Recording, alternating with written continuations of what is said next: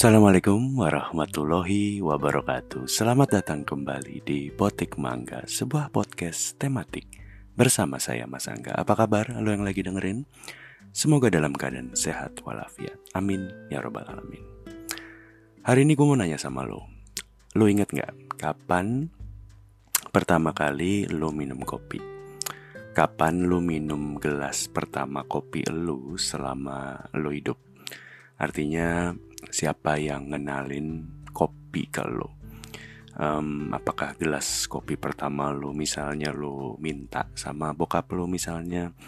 Atau lo misalnya lo langsung beli ke warung kopi atau lo mungkin bikin sendiri di rumah atau mungkin lo bikin di mana di camping misalnya di sekolah misalnya. Atau misalnya lo ternyata baru pertama kali ngopi pada saat lo ke Starbucks gitu misalnya. Gua lupa pertama kali gua minum kopi. Gelas pertama kopi gua tuh kapan gua lupa. Apakah waktu gua kecil, apakah waktu gua SD atau SMP gitu atau mungkin pas SMA atau bahkan kuliah, gue lupa sih. Yang pasti gue ingat dulu tuh gue agak males minum kopi karena seinget gue dulu tuh kopi hampir semua penyajiannya itu kan kopi hitam panas. Jarang ada kopi es kopi atau es kopi susu itu jarang dulu. Artinya memang kalau lo mau minum kopi itu harus nunggu sampai ampasnya turun.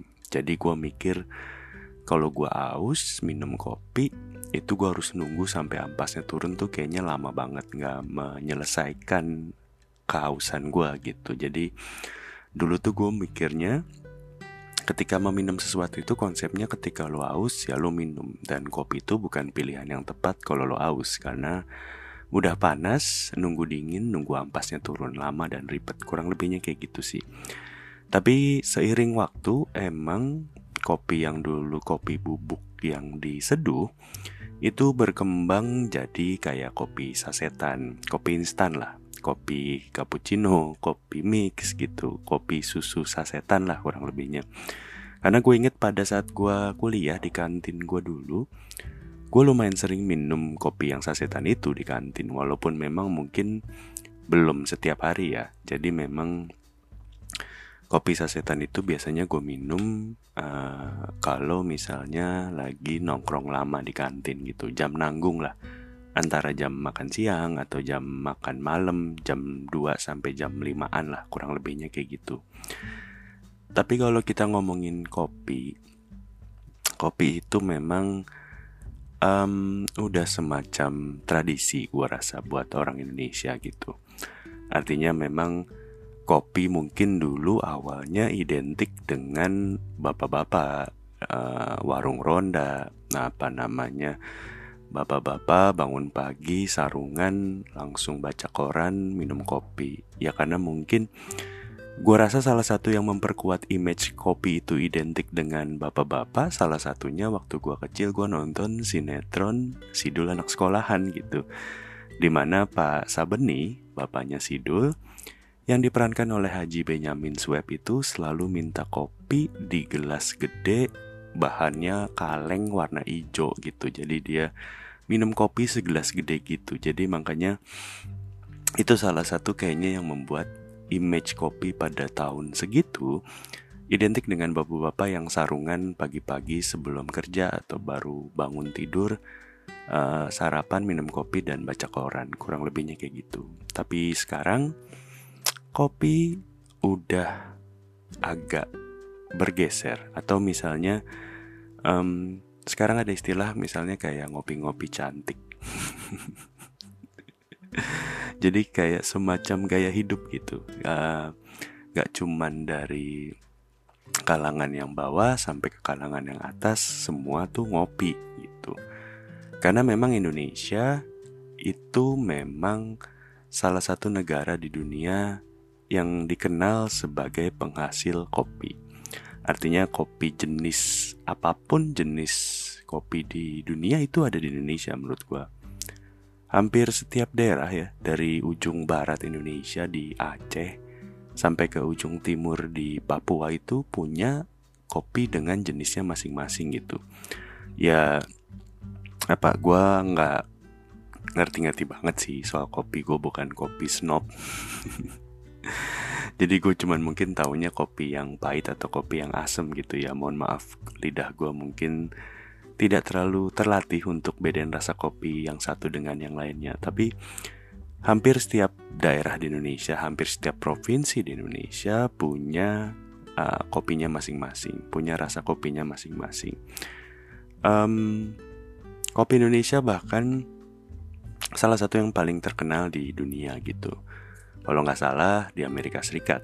Gue bukan, gue belum pernah ke Amerika Serikat, tapi di Amerika gue nggak tahu di kota mana, mungkin di New York City itu menyebut kopi dengan sebutan Java, a cup of Java. Itu saking ngetopnya kopi Indonesia, mereka menyebut kopi sebagai Java. Kurang lebihnya kayak gitu. Dan kalau gue nggak salah lagi juga, salah satu kopi yang paling mahal dari Indonesia itu adalah salah satu kopi yang paling mahal di dunia. Kopi luwak kalau nggak salah. Itu bisa 4 sampai 5 juta rupiah per kilogram. Sorry kalau gue salah. Padahal kalau di Starling kopi luwak cuma 5000 perak ya. Beda kopi luwak, saudara-saudara. Tapi intinya, um, kopi di Indonesia memang sudah menjadi sebuah tradisi sebuah kebiasaan karena kita penghasil kopi otomatis kita juga negara yang memiliki tradisi terhadap kopi, menikmati kopi dan terbiasa minum kopi gitu. Karena sesungguhnya kopi itu memiliki sebuah zat adiktif gitu. Karena um, ada kandungan di kopi yang membuat kita adiktif terhadap kopi gitu. Dan gue yakin mungkin Kopi adalah salah satu atau mungkin satu-satunya barang yang memiliki zat adiktif di dalamnya tapi nggak dilarang sama pemerintah. Maksud gue narkoba kan punya zat adiktif dilarang oleh pemerintah gitu ya. Dan mungkin rokok punya zat adiktif juga walaupun tidak dilarang pemerintah tapi dikenakan cukai. Nah, kopi ini tidak dilarang dan tidak dikenakan cukai walaupun sama-sama memiliki zat adiktif. Dan menurut gue sebagian besar orang Indonesia um, kebiasaan sekaligus mungkin juga ketergantungan ya sama kopi ya. Um, banyak orang yang bilang kalau pagi hari belum minum kopi itu kayak ada perasaan senewan kalau belum nyeruput kopi di pagi hari gitu. Ada yang bilang nggak bisa mikir kalau belum minum kopi. Ada yang nggak gaul kalau belum posting kopi, kopi susu kekinian terutama. Tapi emang kopi susu kekinian ini um, menurut gue adalah sebuah fen fenomena ya, sebuah fenomena, sebuah sebuah fenomena yang sebenarnya tinggal tunggu waktu. Menurut gue kayak gitu karena konsumsi orang Indonesia ini terhadap kopi ini luar biasa tinggi. Gue pernah baca berita tahun kapan gue lupa. Konsumsi orang Indonesia itu pada tahun 2021 itu diprediksi mencapai 370 ribu ton per tahun. Artinya kalau 370 ribu ton per tahun, setahun itu 365 hari, kurang lebih sehari orang Indonesia mengkonsumsi satu eh seribu ton kopi. Seribu ton kopi selama satu hari dikonsumsi oleh orang Indonesia. Seribu ton itu kan satu juta kilogram. Seribu kali seribu satu juta bener. Satu juta kilogram kopi se-Indonesia. Ya dengan konsumsi sedemikian tinggi Tentu ini adalah sebuah pasar yang menguntungkan. Makanya tadi gue bilang fenomena kopi susu kekinian itu memang sebuah hal yang tinggal tunggu waktu. Karena dulu menurut gue Penikmat kopi itu terbagi dua. Menurut gue dulu ya jadi eh, pertama kopi yang murah Tadi yang gue bilang yang gocengan ada di Starling, di Warkop, warung-warung kopi pinggiran yang mungkin jadi inspirasi apa Warkop DKI gitu di mana Warkop itu kan identik dengan tempat diskusi sosial politik seluruh kalangan dan mahasiswa mungkin dari uh, rakyat jelata, abang-abang sampai mungkin ya mahasiswa para tokoh-tokoh intelektual muda gitu. Itu warkop yang di kalangan rakyat jelata. Kemudian yang Yang kedua adalah para penikmat kopi mahal yang segelasnya 50 ribu ke atas di tempat kafe-kafe atau jaringan kafe internasional gitu model-model kayak Starbucks, Excelso, Liberica dan lain-lain gitu di mana yang jadi konsumen kopinya itu ya para orang-orang yang tingkat ekonominya di atas kayak misalnya mungkin pengusaha, orang kaya, pejabat dan seterusnya dan seterusnya. Artinya dengan terbagi dua yang satu yang sangat murah dan yang satu lagi sangat mahal, itu ada celah pasar menurut gua untuk para kaum menengah. Kaum menengah yang dibilang kaya jauh banget, dibilang miskin nggak juga gitu. Artinya orang-orang kaum menengah ini yang suka kopi itu bingung mau buang duit ke mana kalau beli kopi. Yang kopi mahal jelas mereka nggak sanggup untuk sering-sering beli kopi dengan dulu segelas kopi bisa di atas 50 ribu ya sekali dua kali mungkin oke okay buat mereka tapi kalau setiap hari gua nggak yakin mereka sanggup lama-lama kan bangkrut juga gitu tapi kalau ke warkop biasa bukannya mereka anti terhadap warkop biasa tapi sebenarnya mereka adalah orang-orang yang mau spend lebih banyak untuk kopi yang mungkin lebih enak, tempat yang lebih nyaman, tempat di mana mungkin tidak se apa ya se semeraut warung kopi warung kopi gitu. Artinya tadi kan uh, mungkin dengan spend money 5000 sebenarnya mereka mau kok bayar misalnya berapa 10 ribu 15 ribu gitu. Tapi kalau untuk bayar ke 50 ribu uang mereka mungkin nggak sebanyak itu kurang lebih. Nah dari celah pasar seperti itu menurut gua lahirlah si fenomena kopi susu kekinian ini gitu. Gue lupa persisnya tahun berapa. Hmm, dan siapa yang pertama kali bikin kopi susu kekinian ya. Tapi tentunya menurut gua salah satu yang paling ngetop di era mungkin 2000 belasan, tengah belasan lah, 14, 15, 16 gitu ya ke atas sampai sekarang ini menurut gua salah satu yang awalnya mencuri perhatian dan jadi ngetop yang jadi top of mind orang-orang mungkin sampai sekarang adalah kopi susu tuku. Kopi toko kopi tuku apa sih nama resminya jadi menurut gue sih kopi tuku ini adalah salah satu yang lumayan membuat orang-orang ngeh kalau ada kopi susu yang murah. Harganya mungkin sekitar 15 sampai 18 ribu waktu itu pada saat mereka uh, pertama kali ngetopnya ya. Artinya memang termasuk tadi gue bilang lumayan murah karena kan kopi yang Starbucks atau Excelso dan seterusnya dan seterusnya itu kan memang harganya di atas 50 ribu gitu.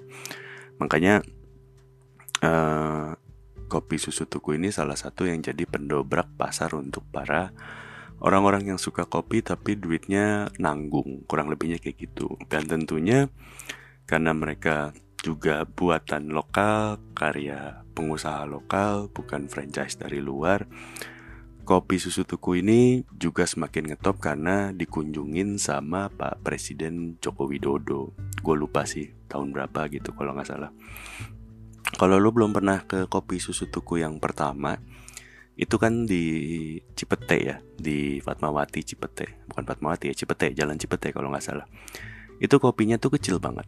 Jadi memang kayaknya dia didesain buat lo yang mau ke coffee shop dan nongkrong berjam-jam untuk mesen segelas kopi doang itu nggak kayaknya dia didesain cuman buat pesen bawa pulang cabut. Pesen bawa pulang cabut pesen bawa pulang cabut. Kurang lebihnya kayak gitu. Dan waktu itu 2000 berapa ya? 17 atau mungkin 2016 itu Pak Jokowi mampir ke sana. Dan sejak saat itu ya Tuku menjadi salah satu apa ya hmm, brand kopi kekinian pertama yang jadi top of mind dan meledak jadi fenomena gitu. Karena ya dihadiri oleh bukan sembarangan orang, bukan sembarangan pejabat tapi langsung Pak Presiden, Pak Jokowi langsung ke sana gitu. Gua baca yang punya tuku itu sebenarnya sama dengan yang punya Toots House. Toots House itu kalau lo nggak tahu juga di daerah Cipete. Dia kalau nggak salah seberang-seberangan lah sama si tuku. Jadi uh, Tooth House itu memang ya tadi gue bilang dia sejenis cafe yang mungkin harga kopinya jauh lebih mahal ketimbang tuku harganya bisa dua kali atau mungkin tiga kali lipatnya si yang punya tuku yang punya Tutu House ini memang pengen membuat sebuah kopi di mana kopinya ini murah dan merakyat gitu. Murah artinya memang di bawah harga kafe-kafenya itu. Dan merakyat itu mungkin menurut gua pengertiannya lebih ke arah tidak intimidatif lah. Artinya kan lu pernah gak sih ke sebuah tempat sebuah kafe gitu yang dari luar mungkin udah bagus di mana ya mungkin kalau duit lo pas-pasan lo ngerasa gue sanggup nggak ya ke tempat ini bayarnya berapa harganya berapa gitu tapi ya sejak saat itu gue inget banget sejak si Pak Jokowi datang ke Tuku ya apa bisnis kopi kekinian ya memang meledak gitu. Maksud gue kopi susu sejenis dengan range harga mungkin di bawah 20 ribu ya sekarang ada di mana-mana. Gue punya teori, gue nggak tahu teori ini benar atau enggak karena gue tidak mau untuk mempraktekannya sebenarnya. Teori yang tidak mau gue praktekkan agak aneh ya. Punya teori tadi tapi tidak mau mempraktekkan untuk membuktikannya teori gue mengatakan seperti ini. Kalau gue tiap hari beli kopi susu kekinian berbeda merek. Tiap harinya jadi hari ini merek A besok merek B besok merek C dan seterusnya dan seterusnya. Gue yakin dalam setahun itu gue belum mencoba kopi susu yang sama berulang. Artinya kalau hari ini gue mencoba kopi susu merek A gue baru akan membeli kopi susu merek A lagi dalam periode lebih dari setahun. Artinya segitu banyaknya merek kopi susu kekinian dengan range harga yang tadi gue bilang 20 ribuan ke bawah gitu gue butuh waktu lebih dari satu tahun lebih dari 365 hari untuk gue mengulang merek kopi yang sama. Itu menurut gue bahkan ini saking banyaknya ya saking banyaknya gue bahkan tahu teman-teman gue pun punya kopi warung kopi sendiri gitu um, Om Solas punya kopi di Cirebon, uh, Rifki Rafitasa punya kopi kedai tongkrongan, Alkris, gue rasa yang paling serius di antara yang lain-lainnya karena udah punya beberapa tempat kayaknya. Um, Pambagio, drone pilot paling jago se Cisauk, punya kopi juga di rumahnya. Akbar Gama punya Coffee Eight, artinya itu udah berapa orang tadi? Lima orang paling nggak yang gue tahu in person punya warung kopi kekinian. Belum lagi yang mungkin second degree friend gue yang temannya temen gue atau third degree friend temennya temen-temen gue gitu. Artinya tadi gue bilang um, merek kopi itu yang kekinian sekarang banyak banget.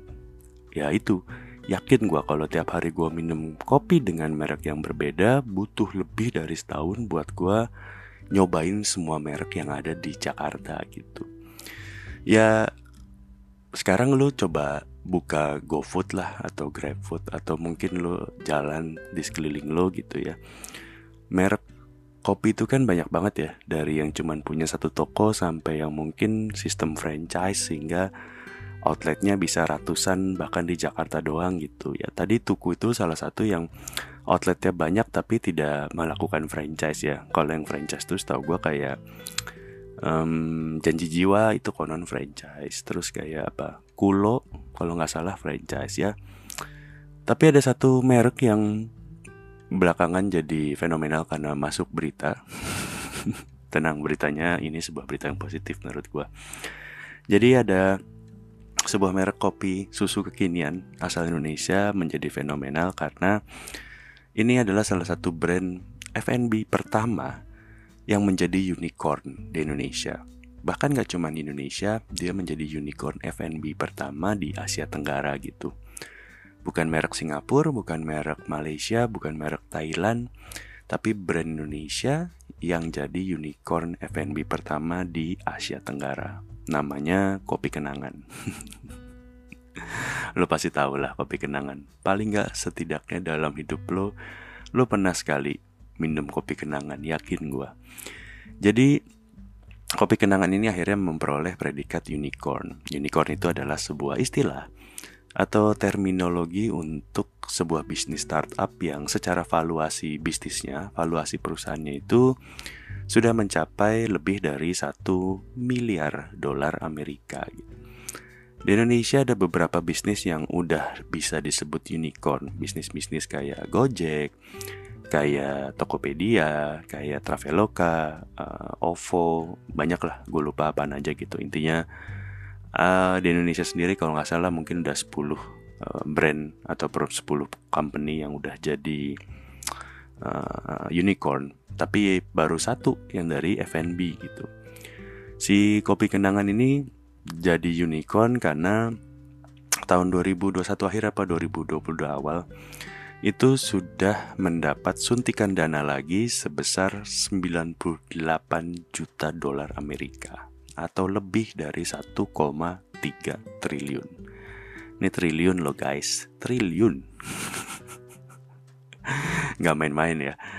Tapi memang ini bukan kali pertama uh, Kopi Kenangan mendapat suntikan dana investasi. Ini kali kesekian lah, gue lupa, ketiga atau keempat kali.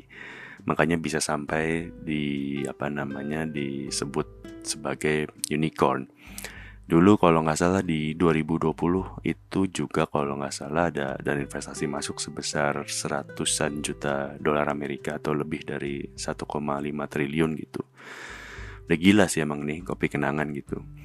Ya kalau lo perhatiin mungkin dari tahun berapa tadi yang gue bilang 2015, 16, 17 gitu sampai sekarang 2022 Kopi Kenangan memang secara bisnis dan ekspansi bisnisnya itu menurut gue dahsyat sih. Ya lo tadi silahkan buka GrabFood atau GoFood, cek Kopi Kenangan. Paling nggak harusnya Kopi Kenangan sekitar 2 sampai 3 km dari rumah lo ada merek Kopi Kenangan. Karena konon sekarang Kopi Kenangan itu sudah punya 600 outlet se-Indonesia dengan jumlah karyawan lebih dari 3000 karyawan. Dan di 2020 konon gue baca di websitenya sudah menjual lebih dari 30 juta gelas kopi. Jangan tanya gue lebihnya berapa, itu gue cuman baca dari websitenya. Artinya kalau lo mau compare sebagai perbandingan jumlah outlet Starbucks di Indonesia itu ada 470-an, hampir di bawah 500 lah. Jadi kalau di seluruh dunia memang Starbucks masih jadi franchise kopi paling banyak. Jadi total Starbucks sedunia itu ada 32 ribu outlet Starbucks sedunia. Paling banyak tentunya di Amerika dengan kalau nggak salah ada 6 ribuan, 6.400 sekian lah. Kalau nomor duanya di Korea Selatan itu ada 1.500an.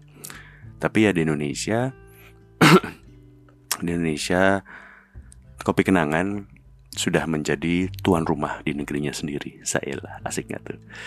Jadi paling nggak dia sudah bisa mengalahkan jumlah outlet Starbucks yang dari luar negeri ya. Nah, tadi kan si Kuping Nangan tuh di 600-an, si Starbucks itu nggak nyampe 500-an. Jadi ya konon pula semua outletnya Kopi Kenangan itu tanpa franchise, jadi masih under satu manajemen. Um, gini, apa namanya? Hmm, logika ekonomi gue berbicara seperti ini, Caila. Jadi, um, ketika tadi gue bilang kenapa kopi kenangan bisa menjadi sebuah brand yang dikatakan unicorn karena memiliki valuasi lebih dari satu miliar dolar Amerika Serikat.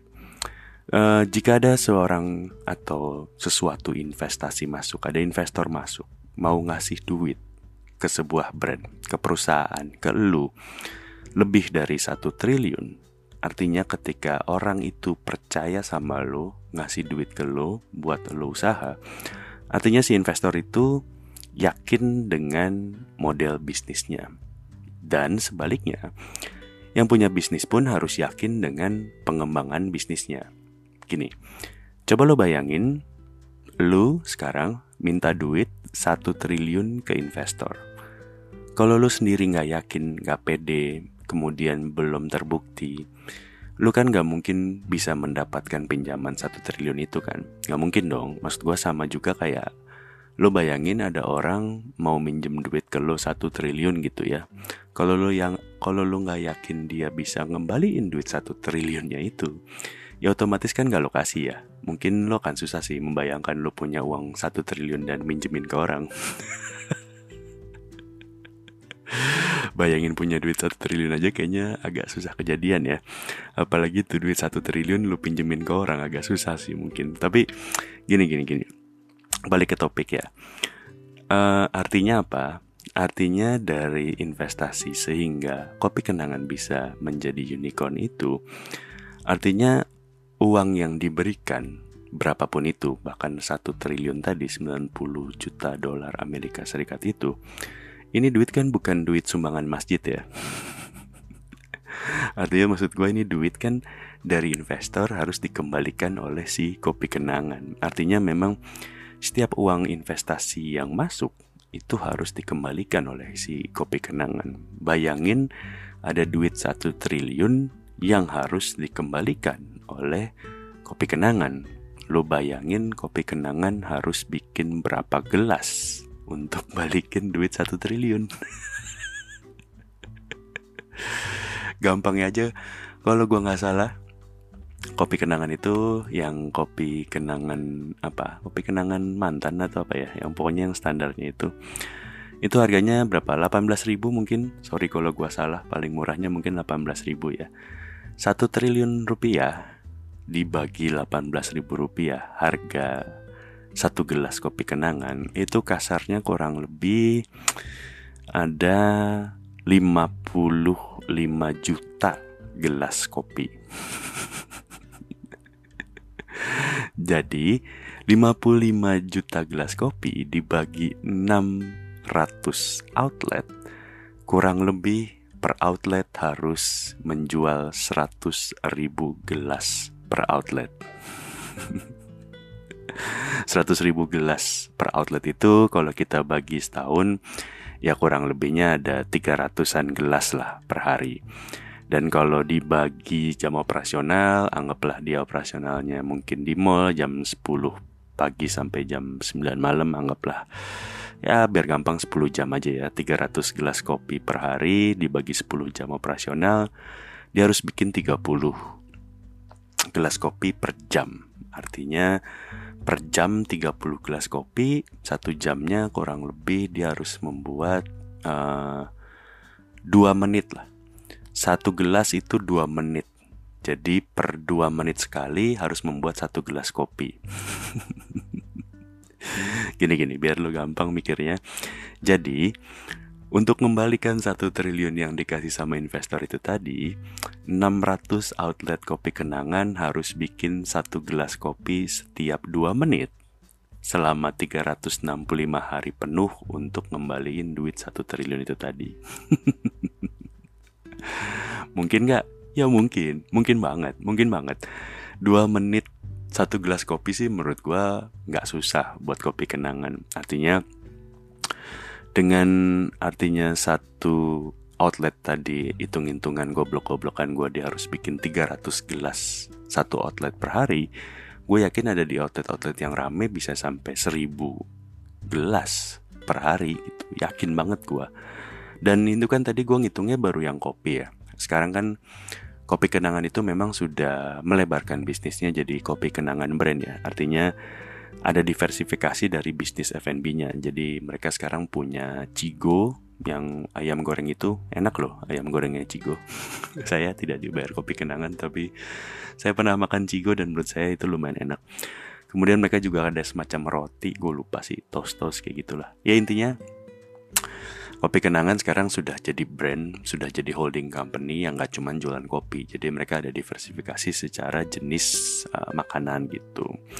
Tapi intinya yang mau gue bilang saat ini adalah bisnis kopi itu works di Indonesia. Bisnis kopi itu berjalan dengan baik. Bisnis kopi itu adalah sebuah bisnis yang memang lumayan menjanjikan gue bilang tadi kan kopi kekinian jumlahnya banyak banget. Kalau gue cobain satu merek baru tiap hari, setahun itu gue nggak akan habis nyobain merek baru. Satu Januari gue mencoba memerek A, gue nggak yakin satu Januari tahun depannya gue udah balik minum kopi A itu lagi gitu. Artinya walaupun sekarang pandemi masih ada mungkin pada saat lo dengerin ini omikron masih merajalela gue nggak tahu. Tapi apa artinya dengan beberapa kopi yang mungkin tutup tidak berhasil tapi sekarang pun banyak yang baru buka gitu. Mati satu tumbuh seribu mati satu tumbuh seribu. Menurut gue sih kayak gitu. Sampai sekarang pun masih banyak merek baru yang baru rilis banyak yang launching banyak yang masuk ke pasar kopi kekinian gitu ya, artinya memang fenomena kopi susu kekinian ini memang juga terbantu dengan adanya ojek online sih menurut gua. Jadi kalau dulu kan mungkin kalau kita ngopi harus duduk, harus stay dengan mungkin sekarang tempatnya nggak terlalu gede, tempat yang kecil gitu, tidak menyediakan tempat buat nongkrong. Ojol itu sangat membantu untuk yang take away only gitu. Walaupun sekarang banyak kafe-kafe yang buka dengan apa ya estetika, instagramable gitu kurang lebihnya sih banyak kafe yang isinya cuman foto-foto demi konten gitu. Tapi ya gue yakin, gue sangat yakin bahwa selama kopi masih ada zat adiktif, selama Indonesia menurut gue masih jadi penghasil kopi, kemudian budaya nongkrong, ngopi-ngopi itu masih ada, maka menurut gue bisnis kopi nggak akan mati, bisnis kopi akan masih semanis itu gitu. Jadi gue yakin sampai kapan pun warung kopi atau jualan kopi masih akan jadi sebuah bisnis yang menjanjikan.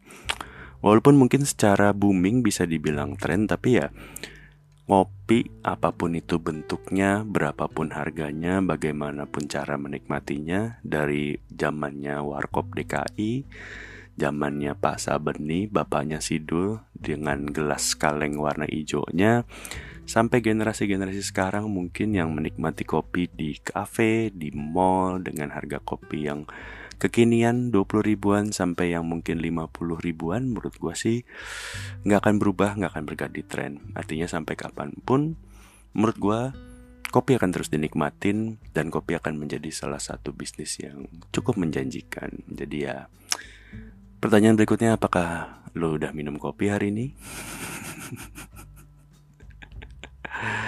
udah udah kelamaan gue ngomong. Terima kasih sudah mendengarkan. Jangan lupa ngopi. Sampai jumpa di episode lain dari Potik Mangga. Assalamualaikum warahmatullahi wabarakatuh.